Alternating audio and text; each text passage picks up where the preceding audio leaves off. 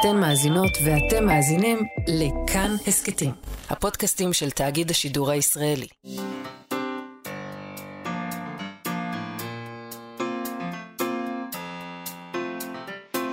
מה שכרוך עם יובל אביבי ומה יעשה לה.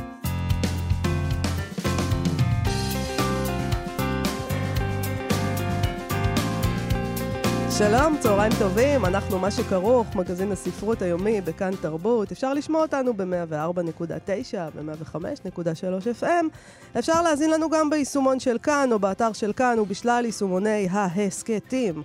איתנו באולפן על העריכה וההפקה נועה בן הגיא ואלכס לויקר, על הביצוע הטכני אלעד זוהר, שלום לכם, שלום יובל, חג שמח. שלום מאיה, חג שמח. אתמול קרה באמת דבר מדהים, גם נר ראשון. וגם ארגנטינה זכתה במונדיאל. מדהים יותר... למי שחוגג, אתה יודע.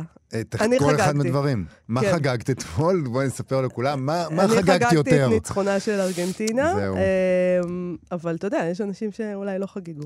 תשמעי, אני, אה, אני יכול לספר משהו אישי. את לא יודעת. אני לא יודעת. תספר ואז אני אגיד לך אם יכולת לספר את זה. אני חי uh, בתוך הקהילה שמאכלסת את הספר האחרון של אורלי קסטל בלום. אוקיי. Uh, שזה המדינה הקטנה שמסביב לגינת דובנוב בתל אביב. גינת דובנוב, שם אנשים מדברים על מדינת תל אביב, זה מראה שהם לא מכירים את תל אביב, כי זה הרבה מדינות. הרבה מדינות. כן. הם אומרים, בואו נחלק את ישראל לקנטונים. בואו נחלק את תל אביב לקנטונים, חבר'ה. כי אם אתה עובר איתי בין גבירול מערבה, זה מדינה אחרת. נכון. אה, אז במדינת דובנוב אה, עשו אתמול אירוע מקסים בגינת דובנוב, mm. והם שילבו. היה חזן ששר שירים, ועשו חידון, אה, חידון חנוכה, ואז צפו במשחק, במסך mm. ענק בגינה. למה לא הזמנת אותי? זה לא יפה. צריך פספורט להיכנס? אמ, כי אני מקנטון אחר, פשוט. אני חושב שאתה אמור להיות מאשכול הגנים הצמוד. אה, זה היה ילדים? אוי, לא, זה היה עם ילדים. אמ, ואז במחצית הדליקו נרות. ואז המשיכו וראו את המחצית השנייה. ואני חושב שהאור והמעטים מול רבים והניצחון של האנדרדוג, כי אני, אני לא ידעתי שארגנטינה היו האנדרדוג. ארגנטינה הם לא האנדרדוג. הם היו האנדרדוג. די, נו, די, די. אני אתמול הסבירו לי. איך? נו, תסביר. אתמול הסבירו לי שצרפת היו הפייבוריטים. של מי? של הצרפתים? לא, של העולם. של המונד בתוך המונדיאל. Mm, באמת? כי בארץ אני חושבת שה... שארגנטינה זה הפייבוריטים איכשהו. תשמעי, הנרטיב הוא כרגע, שאתמול המעטים מול רבים ניצחו בחנוכה, והמעטים מול רבים ניצחו במונדיאל. בוא לא נהרוס את זה, כי זה גם ואז... הנרטיב של התוכנית. בדיוק, אל אוקיי, תהרסי. אוקיי, סליחה, בבקשה. ארגנטינה, כן. מעטים מול רבים. אנחנו נדבר היום עם אנשים שהם מעטים מול רבים לכבוד חג החנוכה. אה, נדבר על ספרות שמעטים קוראים ועדיין העושים במלאכה ממשיכים לעשות את המעשה הספרותי שלהם. אולי כי אין להם ברירה. אה, זה מה שהם עושים. זה מה שהם יעשו, ואנחנו נבקש להבין את המנוע הזה, שגורם למשל למתרגם רונן סוניס להוציא ספר חדש עם תרגומים מלטינית של מרקוס ולריוס מרטיאליס. ספר שבוא נודה, מעטים יקראו, וחבל. נכון. חבל, חבל כי זה מאוד. ספר מפולפל ומשעשע, עם שירים בני אלפיים שנה. שהיום, נדמה לי, אנשים היו אומרים לעצמם, אני לא יכול לכתוב דברים כאלה. הם פשוט לא היו כותבים. כן. אין, אי אפשר, ובטח שאי אפשר, לפ... אני לא, לא יודעת אם אפשר לפרסם. אפשר! לא, אבל תראה, אתה... מה הם יעשו עכשיו? הם, הם יבטלו את מרטיאליס? לא. אבל אם מישהו עכשווי היה כותב את זה, אז ישר היו מבטלים אותו. לא, אבל אפשר לבטל את uh, רונן, רונן סוניס. אז איי, נראה איי, שלא. אכפת לו, הוא אומר, לא אכפת לי, אתם עם, עם התרבות הביטול שלכם, ועם מה מותר ומה אסור. לא אכפת לי, אני את זה עושה. אז אנחנו נדבר איתו על מרטיאליס ובכלל על עבודתו כמתרגם ועל uh, מה מניע אותו. Uh, לנסות, uh, uh, למרות מיעוט המתעניינים, להמשיך במלאכה. עוד מעטים מול רבים, יהיה לנו עם אדיק מיטגרץ, הסולן של ספוטניק היי-פיי, שכתבו שיר שהשמענו פה כמה, ש... כמה פעמים, העורכת המוזיקלית מאיה סלע, אולי את מכירה אותה, אה, בחרה את השיר הזה, נקרא הנרי מילר. נדלקנו, נדלקנו על ספוטניק היי-פיי, בוא אה, נודה. אני מאוד אוהב את השיר. אה, הנרי מילר הוא אמנם כבר שם מוכר, סופר אמריקאי גדול, אבל הוא, היה, הוא בעצמו היה שוליים רוב חייו, הוא היה נידח נידח רוב ימי חייו, ואני מרוד, והסתובב לו בניו יורק ואחר כך בפריז, קושש כסף, והתעקש לכתוב חרף שוליותו. נכון. אה, נשמע מאדיק מידגרץ למה מצא חן בעיניו הנרי מילר, למה הוא כתב בשיר שכשהיינו צעירים רצינו להיות כמו הנרי מילר. מה זה אומר להיות כמו הנרי מילר? אה, זהו, אנחנו נכון. נדבר איתו על נכון.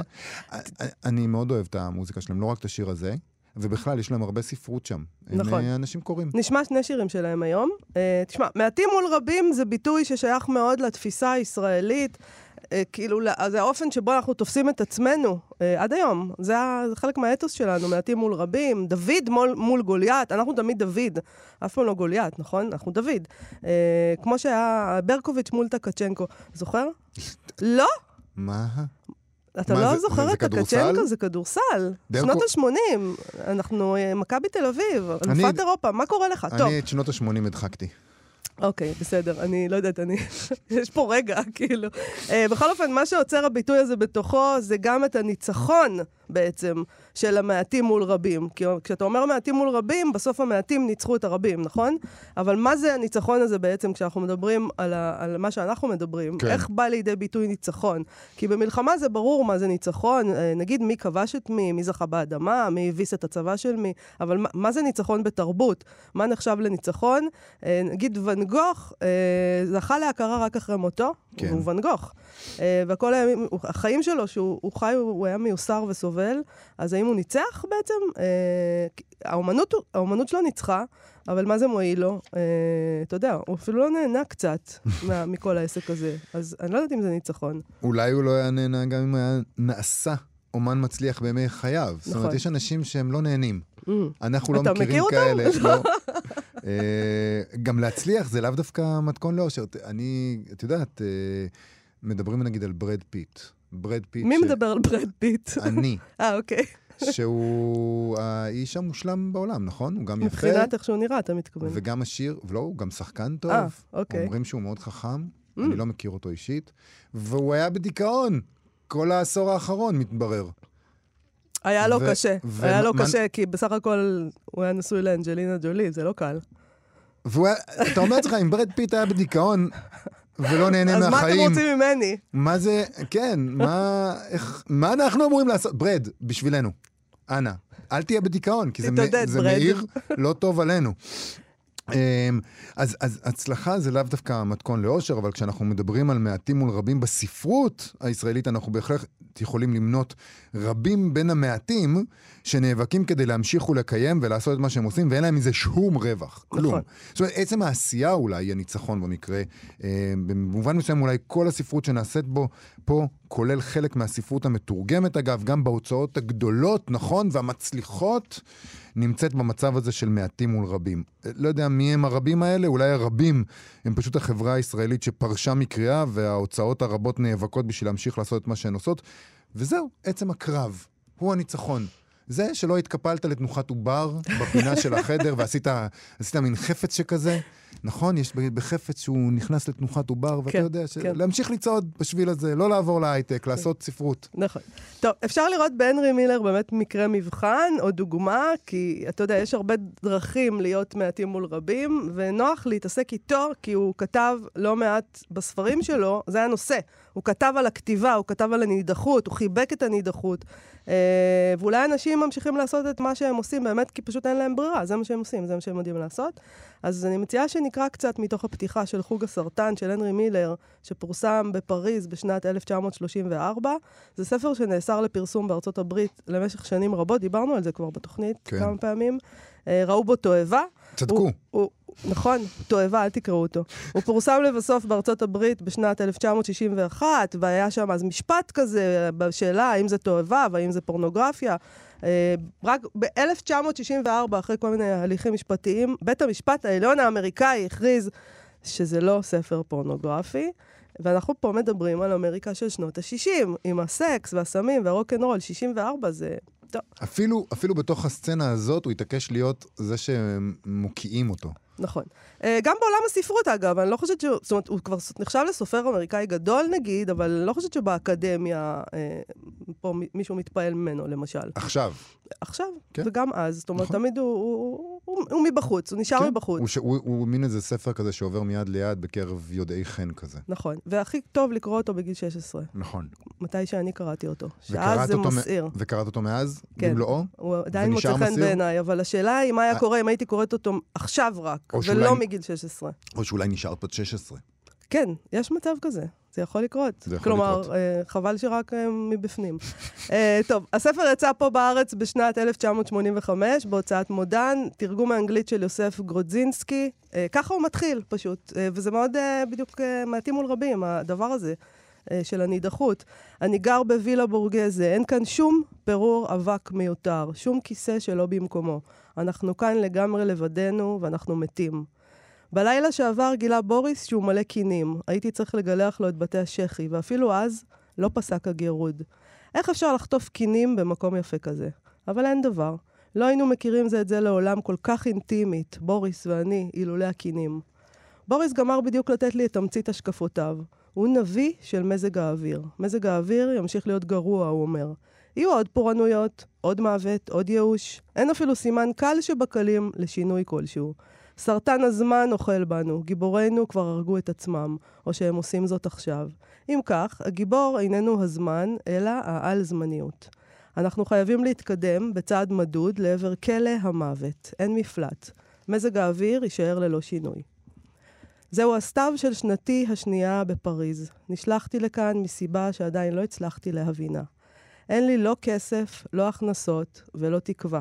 אני האיש המאושר ביותר עלי אדמות. לפני שנה, לפני שישה חודשים, חשבתי שאני אומן. אני כבר לא חושב את זה יותר, על זה יותר. זה מה שאני. כל מה שהיה ספרות נשר ממני. לא נשארו יותר ספרים לכתוב. תודה לאל. ומה עם זה?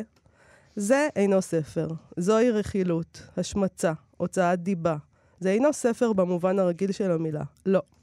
זוהי פגיעה מתמשכת. גוש רוק בפרצוף האומנות, בעיטה בביצים של האל, האדם, הגורל, הזמן, האהבה, היופי.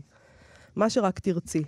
אני עומד לשיר לך, אולי קצת בזיוף, אבל לשיר בכל זאת. אני אשיר ואת תרתני, אני ארקוד על גופתך המטונפת. כדי לשיר חייבים קודם, קודם כל לפתוח את הפה. צריכים זוג ריאות וקצת ידע מוזיקלי. לא חייבים אקורדיון או גיטרה, העיקר לרצות לשיר. אם כך, זהו שיר. אני שר.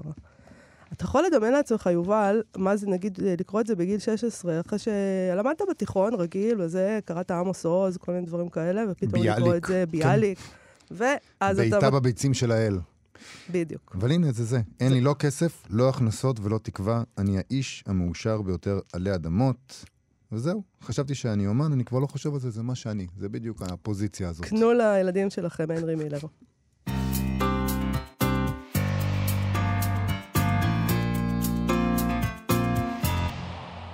מה שכרוך בכאן תרבות, חזרנו. תוכנית מיוחדת לחג החנוכה, מעטים מול רבים. איך אנחנו בעצם ממשיכים להיאבק על הדבר הזה שנקרא ספרות בישראל.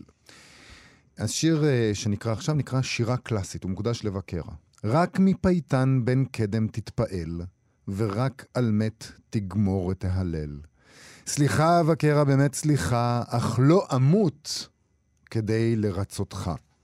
זה קצת מזכיר את מה שקרה לוואן גוך שדיברת עליו, נכון? אתה צריך למות כדי להצליח. זה שיר של מרקוס ולריוס מרטיאליס ושל אה, רונן סוניס שהעניק לו נוסח עברי, כמו שעשה לעוד 100 שירים בספר 100 שירים שיצא עכשיו בהוצאת דחק. רונן סוניס תרגם שירים בני אלפיים שנה מלטינית.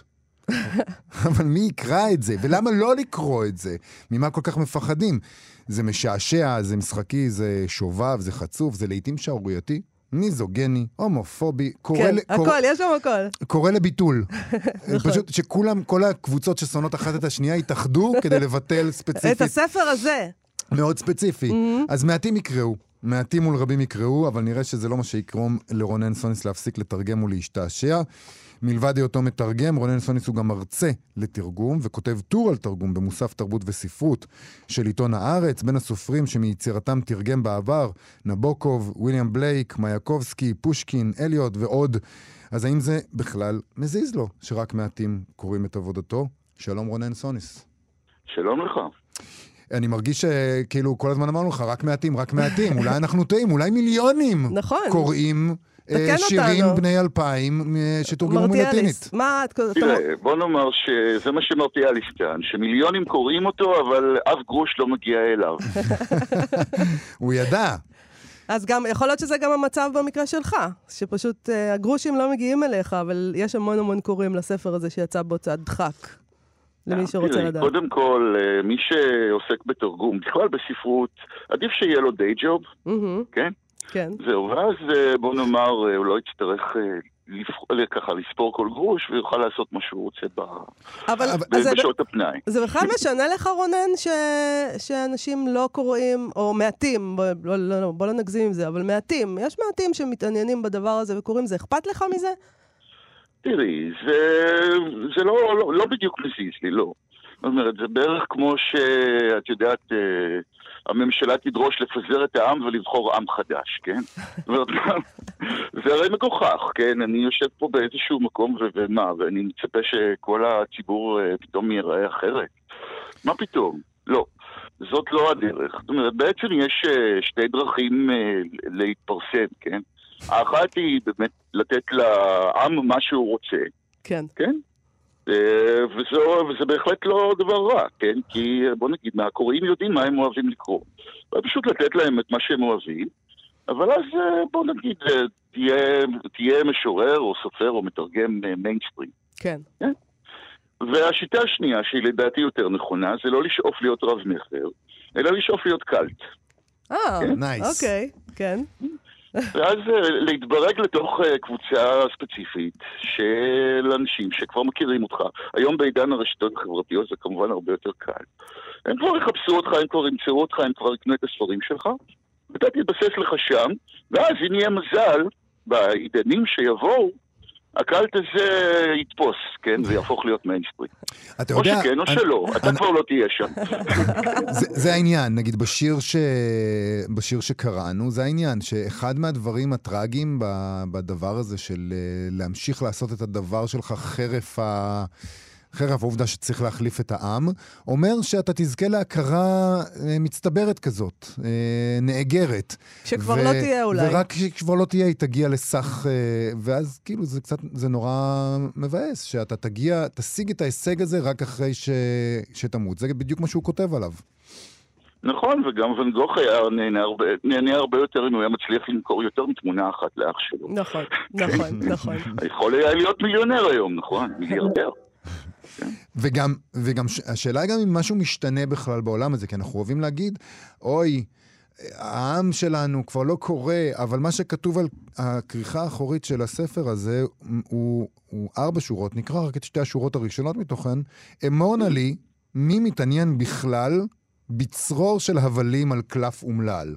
זאת אומרת, אתם יודעים, זה כבר אלפיים שנה אנחנו נאבקים את המאבק הזה, של המעטים מול רבים, ואנחנו לא כזה מיוחדים, אנחנו לא פתיתי שלג, גם מרטיאליס היה בתוך אותו מאבק. כן, זה נכון, זה באמת דבר שלא משתנה. אגב, הוא כותב את השורות האלה על, אה, על מיתולוגיה, כן? הוא מאוד מאוד לא אהב אנשים שקוראים מיתוסים. מאוד מאוד עצבן אותו, כי הוא אמר, "אל- אל אל שטויות, כן? הם קוראים לכם על ההרפיות וגורגונות וקנטאורים. זהו, אני כותב את מה ש... אני כותב עליכם, אני כותב על החיים שלכם, אני כותב על החיים שלי, כן? ואז הוא כמובן ממשיך ומעביר ביקורת, אה, לא, הוא אפילו לא מעביר ביקורת, הוא פשוט לועג. פשוט לועג, אה, מציג את כל השחיתות והצביעות והחנפנות והסטיות המיניות ומה שאתם רוצים. אז, אז בוא נדבר על ה, איך הגעת לדבר הזה של אה, איך החלטת ולמה לתרגם את מרטיאליס. ספר לנו עליו קצת, מי הוא היה? אוקיי, הוא היה, בוא נגיד, הוא, הוא ספרדי קודם כל. הוא לא אה, נולד ברומא, הוא נולד בספרד. ולמשפחה יחסית עמידה. ואז אה, הוא כנראה ראה שספרדים אחרים כבר הצליחו להתחיל ברומא. התחילו להצליח ברומא. מהמם. והחליט לנסוע לשם, לחפש את מזלו. מיד אה, כשהוא הגיע לשם אמרו לו, לא, אתה תהיה עורך דין. עדיף עם השכל שלך שתהיה עורך דין. אה, עורכי דין אה, היו באמת מקבלים שכר טרחה, מתחת לשולחן, ואפשר להתפרנס מזה. אבל הוא לא רצה להיות עורך דין. הוא רוצה לכתוב על עורכי דין. ולאו, כן. אה, ובעצם הברירה היחידה שהייתה לו, אבל הוא לא יכול היה לעבוד, המעמד שלו לא אפשר לו לעבוד עבודת כפיים, זה מבזה. אז הוא אה, בעצם, אה, לא היו הרבה מקורות אחרים לפרנסה. הוא יכול היה בעצם להסתמך על הפטרונים שלו, אה, פטרונים שיתמכו בו. זה בעצם היה מקובל בכל רומא, למעשה כל רומא, כל השכבות הגבוהות היו להם פטרונים, לפטרונים גם היו פטרונים, ככה עד הקיסר עצמו. אולי זאת הטעות שלנו, שאנחנו לא, שאנחנו ב, לא הלכנו על השיטה הזאת של הפטרונים. לגמרי. זה יכול לפתור כמה בעיות. אוקיי, אה, בסדר, יש לנו פטרונים, הם פשוט קוראים להם בשמות אחרים. כן? נכון, כן, כן. יש תמיכות תרבות, אבא. אתם מדברים על זה הרבה. תמיכות, כן, כן, אוקיי. כן, כן. אה, וכמו כל הפטרונים, הפטרונים של נורדיאליס היו קמצנים, סיפרו ממנו לא יותר מדי. כן? עכשיו, אה, למזלו, הקיסר דווקא אהב אותו. קיסרי, כן? קודם ההוא, אה, בוא נגיד, התחיל לפרסם את הספרים שלו עוד בימי טיטוס, זה שהכתב את ירושלים. כן. אחרי זה, האח הצעיר של טיטוס, הקיסר דומטיאנוס, שהיה אגב נחשב לעריץ נורא ואיום, דווקא הוא אהב את, את המשורר הזה. אפילו העניק לו מעמד אה, של פרש, ועוד כל מיני הטבות. אה, וכך הוא הצליח להתקיים עד שהתחלף הקיסר. נרצח הקיסר, עלה קיסר חדש, הקיסר החדש לא כל כך התלהב ממנו, אבל אז הוא כבר היה בסוף החיים, פשוט פרש בחזרה לספרד, וחי בווילה שנתנה לו אישה שאוהבת את השירים שלו. את כל זה אנחנו אגב יודעים מהשירים, מהשירים עצמם. כמעט ואין מקורות על מרביאליס חוץ ממנו, יש עוד כמה, אבל בעיקר אנחנו יודעים עליו מהשירים שלו. ואתה באופן אה, אולי משונה, אה, בחרת לחרוז, זאת אומרת, במקור אני מבינה שהשירים האלה לא חרוזים, אבל אתה נכון. בנוסח שלך הפכת אותם לחרוזים, מדוע? נכון, באמת, בשירה הרומית הם חרוזים עד בעצם ימי הביניים, ואז זה ככה חוזר, כן. אה, למה בחרתי לחרוז? קודם כל כי, אני, כי זה קל לי ונוח לי ואני אוהב את זה, זאת הסיבה האמיתית, כן. כן? פשוט, זה, זה פשוט גולש לי מהעט, אפשר להגיד. כן, אה, שנית, אה, ככה תרגמו את מרביאליס, אה, לא רק אני, אלא באמת, גם משוררים גדולים, כמו לורד ביירון, כמו ג'ונתן סוויפט, ככה הם תרגמו אותו, הם חרוזים, וגם בעברית תרגמו אותו כך, כן, החל בתקופת ההשכלה, וגם בימינו, עכשיו יצא אגב עוד ספר של מרטיאליס שתרגם אותו ברוך י' אה, מאני, וגם הוא חרז. אולי אה, כי יש משהו מאוד משחקי. מכתמים בחרוזים. כן, יש משהו שמזמין את זה זה כיף, בטקסטים. לא, זה גם כיפי, חרוזים, אחרי הכל, לא? נכון. בסדר, כן. אבל מצד שני, עוד אה, יכולים לבוא ולטעון שחרוזים זה דרך אה, ל- ל- לעבור מהצד של המעטים לצד של הרבים, נכון? שכאילו זה קצת יותר פופולרי וקצת יותר נגיש, ואנחנו בכל זאת רוצים שיותר אנשים ירגישו בנוח עם זה? כן, אבל אביב, היום אפשר להגיד בדיוק את ההפך. אני מכיר אנשים שרואים בחרוז משהו מגוחך. נכון. כן? בוזים אותו, מעיפים אותו כמה שפחות, כן? אז אני לא יודע אם זה מה שיהפוך את זה. זאת אומרת, הרי זה... מי אוהב חרוזים? חרוזים אוהבים ילדים. נכון. אבל אי אפשר לתת את הספר הזה לילדים. לא, לא, לא, לא, לא, לא, לא, לא. לא, לא, לא, זה לא חומר לילדים. נכון. אז אולי הניגוד הזה בין אה, דבר שלכאורה קליל, מכתמי, מיועד לילדים והתוכן, אולי זה בעצם משהו שיכול להוסיף, כן? זאת אומרת שאתה קורא לך את השירים האלה בנחת ואתה אף פעם לא יודע מתי הבעיטה בבטן אה, יכולה להגיע. דווקא בגלל החרוזים. ואיכשהו זה מע- מעדן את זה. אה, אני רוצ... אנחנו צריכים עוד מעט לסיים, אבל אני רוצה לשאול אותך, על, על, על, שוב, לחזור רגע למקצוע שלך, ועל העניין הזה של, אה, שאתה יודע, אנחנו הרבה פעמים, אה, יש כל מיני אנשים בעולם הספרות הישראלי שמקוננים ואומרים, טוב, זה יהיה הסוף, זו שירת הברבור, זה עוד מעט נגמר. אה, כמה עוד אנחנו יכולים להמשיך לדבר בינינו לבין עצמנו ולעשות למען מעטים, המעטים שאנחנו? אה, אתה חוש... מה אתה חושב על העתיד? מה אתה חושב עליך? אתה תמשיך לעשות את זה? זה העתיד ורוד בעולם הספרות והתרגום לעברית? אה, טוב, זו שאלה קצת משונה, אני לא כל כך אה, מסתכל על עתידי כעתידי בעולם הספרות, יש לי דברים אחרים בחיים, גם, בנוסף, כן?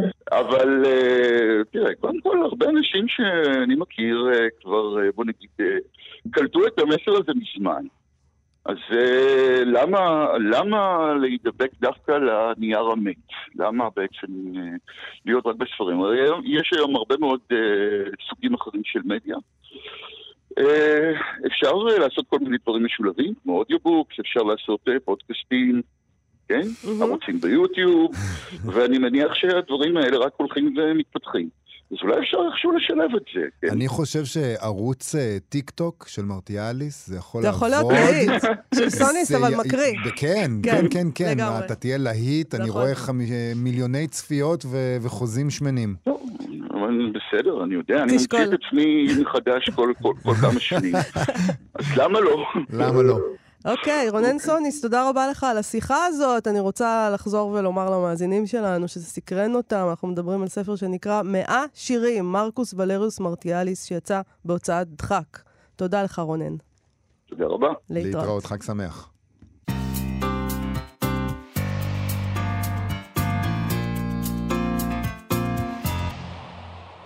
שכרוך בכאן תרבות, חזרנו. יובל, אולי נשמיע את השיר הזה כל בוקר. מה אתה אומר על אולי, זה? נראה לי שזה יכול להיות דקות. כזה... משהו כזה. ב repeat. לא, לא, כל בוקר פשוט, זה המנגינה של התוכנית. את יכולה פשוט לשמוע אותו בבוקר כשאת קמה. אני עושה את זה. אבל הבנתי את הרמז. תשמע, אנחנו פתחנו היום עם הנרי מילר, ואנחנו ממשיכים עם הנרי מילר, והנרי מילר של ספוטניק היי-פיי. זה, זה, זה, זה השיר שנדלקתי עליו, השמענו אותו כבר כמה פעמים. אנחנו מדברים על להקה שכנראה נמצאת בשוליים איכשהו, אה, ושר השיר על יוצר שיצר בשוליים. ומה, מעניין אותי, מה גורם למוזיקאים לבחור דווקא בספרות כמקור השראה. אה, ועוד בספרות שהמהות שלה היא ההתנגדות ולא ההתקבלות. אה, דווקא יש פה, זה היגיון, יש פה היגיון. אדי קמיטגרץ עומד בראש הלהקה הזאת, והוא גם הסולן, והוא כתב את הטקסט, ואני חושבת שהנרי מילר, אה, ממה שאני קראתי אותו, היה די מחבב את השיר הזה. כי אני חושבת שמה שמצא חן בעיניי בשיר הזה זה שהם מבינים שם משהו מאוד משמעותי מהדברים שהנרי מילר כתב ומהאופן שבו הוא חי. באיזשהו מקום היה כתוב, על זה שהנרי מילר הוא ווינר, רציתי להיות כמו הנרי מילר כי הוא ווינר, וזה בדיוק ההפך, הוא לא היה ווינר בכלל. אה, נכתב פה, איך יצאנו משם בחיים, רק שרוטים פה ושם. להסתובב רזה בשאנזליזה כי אין לך אוכל. אה, והספרים שכתבת אמורים היו לשרוף את כל העולם. אה, אתה יודע, אין בזה שום ווינריות, זה לא הסיפור פה, זה נכון. להפך. אתה רוצה לשרוף את העולם, זה לא עניין של ווינריות.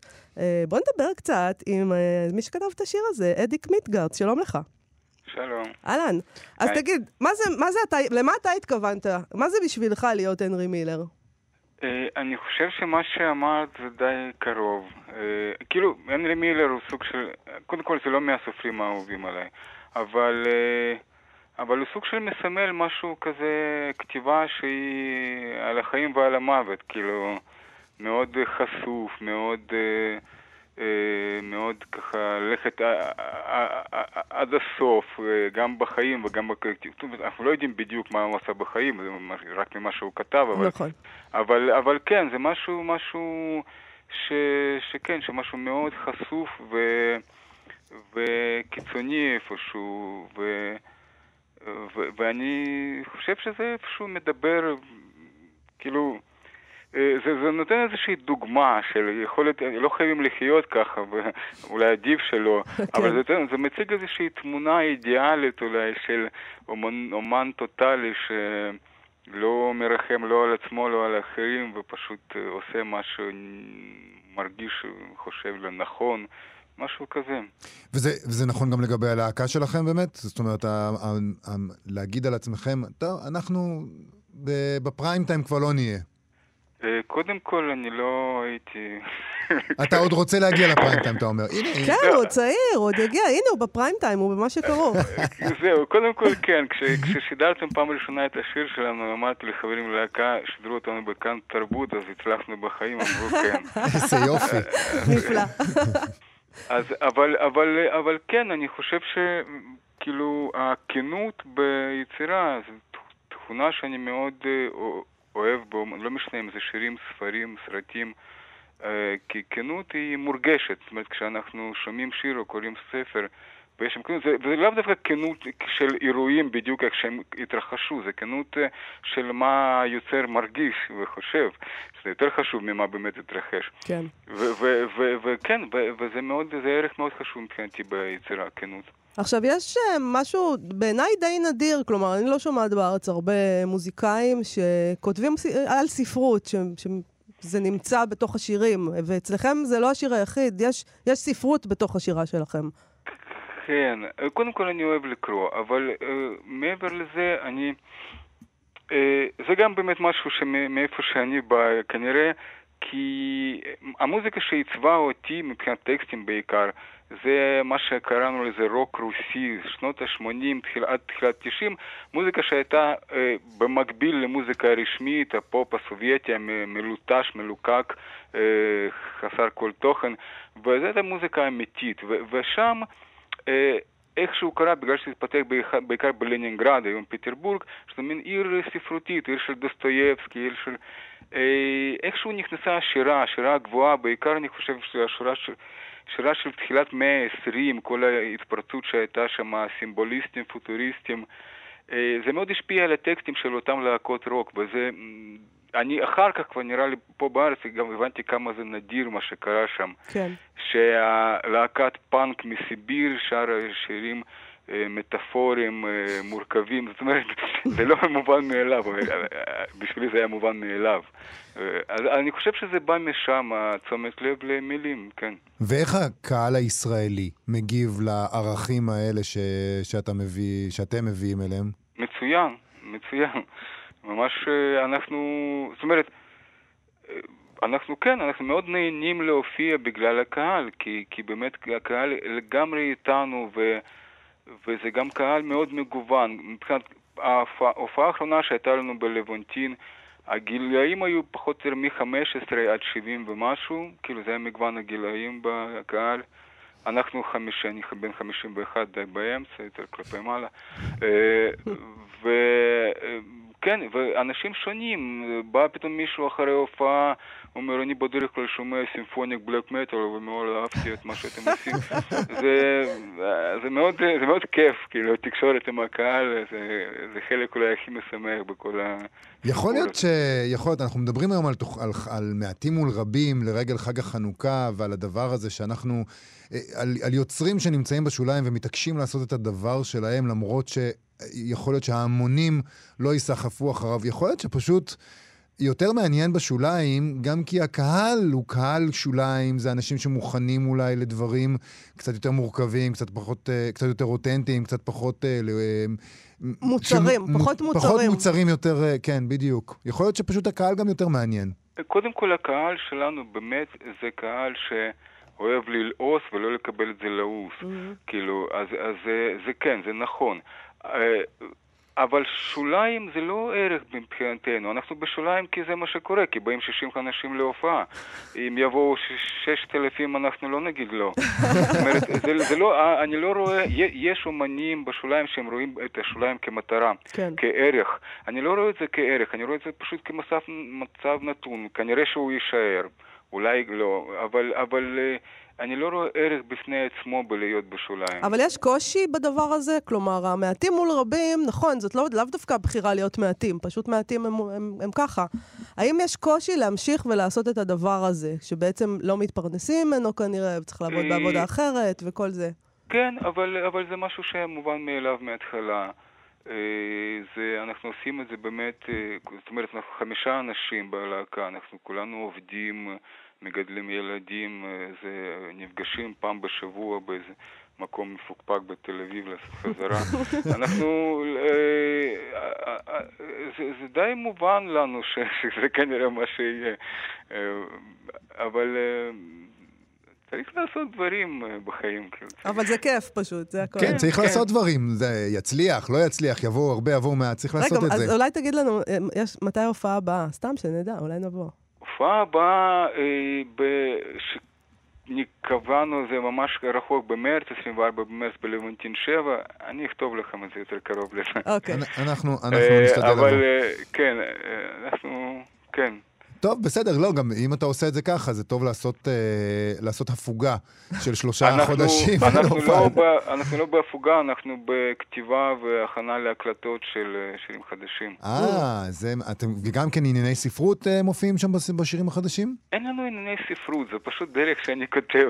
הבנתי. אני, אני, אה, זאת אומרת, נכון, כן, ענייני ספרות, אבל הם לא, לא בצורה, ב, ב, כבחירה מודעת, בואו נהיה להקה ספרותית. זה פשוט, זה המקום שאני באתי ממנו, זה, זה שם, או built in, כאילו, לא צריך לחשוב על זה. הבנתי. אני רוצה לשאול אותך לסיום, אנחנו תכף צריכים לסיים, אבל אני חייב לשאול אותך על זה שיש לכם שירים שמבוססים על הייקו יפני. איך עושים את זה? אה, בדיוק כמו הנרי מילר, מה זה משנה? כאילו, זה, זה, אני מאוד אוהב אייקו. אני גם, אה, הספר הראשון שקראתי בעברית היה אוסף של אייקו, תרגום לעברית, תרגום מצוין, אה, שקיבלתי במתנת יום הולדת לפני 20 ומשהו שנה, ו- ו- ואני חושב שהייקו מתורגם לעברית, נשמע הרבה יותר טוב, למשל מרוסית. Mm. כי עברית היא שפה לקונית, מילים קצרות, וזה איכשהו מבחינת מקצב פשוט מתיישב יותר טוב, נראה לי. אה, כאילו, ברוסית מילים ארוכות זה קצת, אה, כאילו, התחושה היא אחרת. אה, אבל אה, אני מאוד אוהב חייקו, כן. המינימליזם, הלקוניות, הפתיח, מה שאני הכי אוהב שם, שזה מאוד פתוח לפרשנות. אז אנחנו עוד מעט, אחרי שנסיים את השיחה, אנחנו נשמע את השיר שלכם, ספרטה, שהוא גם מבוסס על... אה, על... זה סוג של הייקו, כן? לא, ספרטה, יש לנו שיר חילזון שהוא מבוסס על חייקו, כן. ויש לנו שיר ספרטה שמבוסס על ספרטה. שזה לא הייקו. כשזה לא חייקו, זה, כן, זה היסטוריה עתיקה, כן. אז, אז תספר בוא לנו נשמע את ספרטה. נשמע את ספרטה. בטח, נשמע את ספרטה. אדיק מיטגר... אדיק מיטגר. מיטגרץ, סליחה. אה, ספוטניק אני היי-פיי. יכול לתת עוד דקה להזכיר את החברים בטח. שלי לדרך, כי זה מאוד חשוב. אני רוצה בבקשה. להגיד, מה שאני כותב זה אחוז אחד ממה שיוצא בסוף. זה עבודה קולקטיבית של ההרכב, של חמישה אנשים אנחנו. אז אה, חוץ ממני זה דימה מיטגרץ, הוא אחי התאום והוא המוח המוזיקלי Mm. מאחורי זה.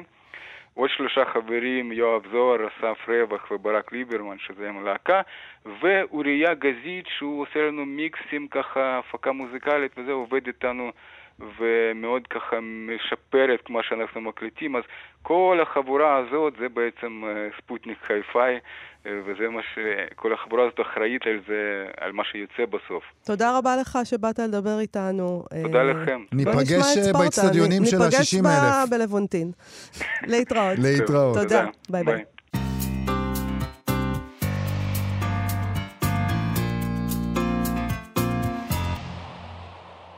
מה שכרוך בכאן תרבות, חזרנו, זה היה ספרטה של ספוטניק היי-פיי, אני אוהב אותם. גם אני. אני רוצה ללכת להופעה שלהם בלבונטין נלך. במרץ. אנחנו נלך ביחד במרץ. נלך. אנחנו מדברים על מעטים מול רבים לרגל אה, חג החנוכה שהתרגש עלינו בלי ששמנו לב, ואם אנחנו מדברים על שוליים ועל המיתוס הזה של מעטים מול רבים בספרות העברית, אני חושב שחייבים לדבר על ברנר. אה, ברנר שבניגוד לכל היגיון נלחם על הספרות העברית, לא תמיד בטוב טעם, אגב, אבל uh, תמיד מתוך uh, חוסר uh, התפשרות. ונדמה לי שהוא ממש, בקטע שנקרא עכשיו, אנחנו נקרא קטע מתוך uh, החיבור הנפלא ברנר בלונדון של אשר ביילין, שיצא בהוצאת הספרייה הקטנה, הוא ממש בוחר בשוליים. הוא, וגם אם, את יודעת, גם אם מנסים למשוך אותו החוצה, הוא מסרב.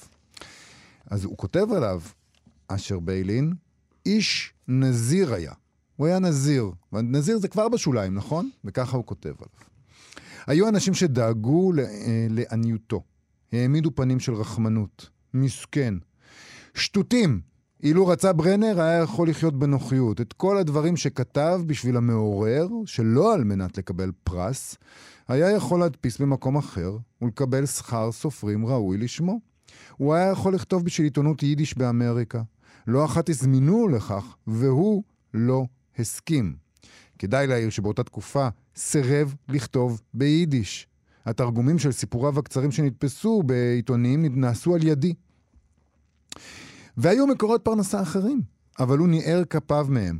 לאיזה צורך? או הכל בשביל כלום, או לא כלום גם בשבילו. אבל ללקוט פירורים מתחת שולחן החיים? לאו. בהחלט. הוא היה בדול מן הבריות, התרחק באמת מכל פרסום, נמלט בלב שלם מכל כבוד הרודף אחריו. פעם נדפס באיזה עיתון אנגלי מאמר על אודותיו. אחד מפלאי הפלאים של לונדון הבירה, רומנס ממש. בגטו של וייטשפל יושב סופר עברי חשוב, נובליסט ממדרגה ראשונה, עורך ירחון ספרותי. מיד הופיעו בבית הדפוס שני ג'נטלמנים, רפורטרים של שני עיתונים אנגליים מפורסמים, חמושים פנקסים, עטים נובעים ומכונת צילום, וביקשו שיציגום לפני ברנר. ברנר עמד אז ליד תיבת האותיות בלי מעיל ושרוולי כותנתו מופשלים. הוא יצא אליהם באוחזו באוויר את שתי כפיו שהשחירו מצבע האותיות שהוא מסדר. את מדמיינת לעצמך את הסיטואציה הזאת? שני שהוא אנגלים... שהוא עם הידיים השחורות מהאותיות? שני אנגלים מפונפנים כאלה, ג'נטלמנים מגיעים, ויוצא להם הפרא הזה, ברנר עם ידיים שחורות וזקן ועיניים עם גיצים. וואו, זה בטח היה מפחיד בשבילם. מה לכם? שאלם. הם הסבירו לו שבאו לשם אינטרוויו, וברצונם גם לצלמו. Go on, go on, השמיע קולו, ושלח לפניו את שתי ידיו המושחרות. הג'נטלמנים נסוגו אט-אט לאחוריהם, עד שעמדו רגליהם בחוץ. בתוך דלת אמותיו בגטו חי ועבד וסבל. אין איש בתוכנו שתאב כמוהו את חיי הגטו. ואין איש בקרבנו שראה כמוהו את הצד השלילי שלהם. זאת אומרת, הוא לא, הוא לא אהב את השוליים, אבל הוא, הוא ידע שהוא שייך לשם. והוא גם היה קצת תימוני, יובל. בוא. בסדר. go home. הוא ראה בשוליים כיעור גם במקום שאינו. הוא ראה גם כיעור ביופיים. הוא הגזים מרוב בוז על רפיוננו, שפלותנו ועבדותנו. זכורני פעם אחת בלכתנו יחד בווייטשפל. אמרתי לקנות פירות אצל אישה יהודית. הוא משכני הצידה וקרא, אל תקנה פה. נקנה במקום אחר. נקנה מידי נוצרי. מדוע? השתוממתי. הסתכל בהם. נראה לי שפירותיהם רוויי דמעות. תואם אני טעם דמעות במיץ הפירות. טעם דמעות במיץ הפירות. זה, זה, רגע, זה רגע לסיים איתו, נכון? עד כאן תוכניתנו להיום, מעטים מול רבים. תודה רבה לאלכס לויקר ונועה בן הגיא, ותודה גם לאלעד uh, זוהר שעשו איתנו את התוכנית. אנחנו נהיה פה שוב מחר, חג שמח. חג שמח. להתראות. אתן מאזינות ואתם מאזינים לכאן הסכתים, הפודקאסטים של תאגיד השידור הישראלי.